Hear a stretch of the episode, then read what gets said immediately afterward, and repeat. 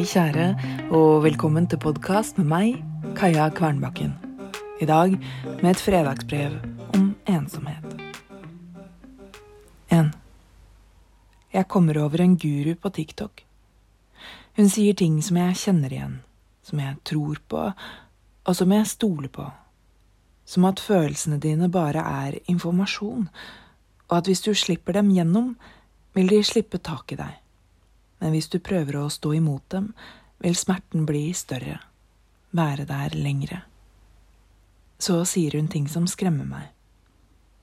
Mennesker er ikke bygget for å være aleine, sier hun. Hvis du har behov for aleinetid, så er det noe i deg du ikke har helbredet, noe i relasjonen din til andre mennesker. Du har ikke gode nok grenser, eller har ikke lært deg å stole på å ta imot kjærlighet. Jeg lukker appen.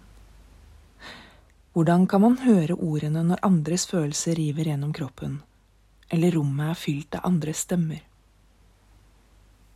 Man skulle kanskje tro, etter halvannet år med isolasjon og nedstengte byer, at jeg trenger by, mer by, mer tette dansegulv og kropper jeg ikke kjenner, som pulserer tett inntil min.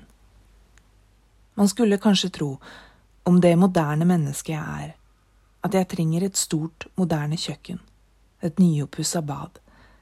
Men det gikk opp for meg her at det jeg savner mest, og som jeg ikke har opplevd på riktig lenge, er lukta som finnes i et gammelt hus på landet.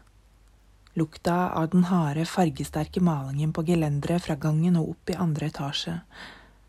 Lukta av at noe har brukt litt for lang tid på å tørke, og av støv som har blitt kostet bort, ukentlig om ikke daglig, men som ingen klarer å banke helt ut av møblene.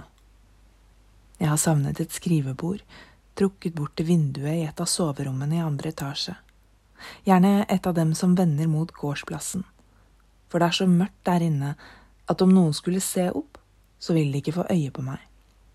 Men lyset fra vinduet ville likevel være nok til å lyse opp sidene i notatboka mi. Fra vinduet har jeg oversikt over alle, og kan se når bonden runder hjørnet på låven og vil jeg ikke prate med noen, så rekker jeg å gå ned i gangen og få støvler og jakke på uten å stresse, og gå ut døra og ned veien, bort fra låven. Og når bjella ringer på gården, vet jeg at spisestua er fylt med latter og gode lukter, og at jeg sakte kommer til å smelte der inne, og at ordene slutter å flyte ut av hendene mine, men ut av munnen min i stedet, som har fått et smil, selv om øynene fortsatt er tenksomme.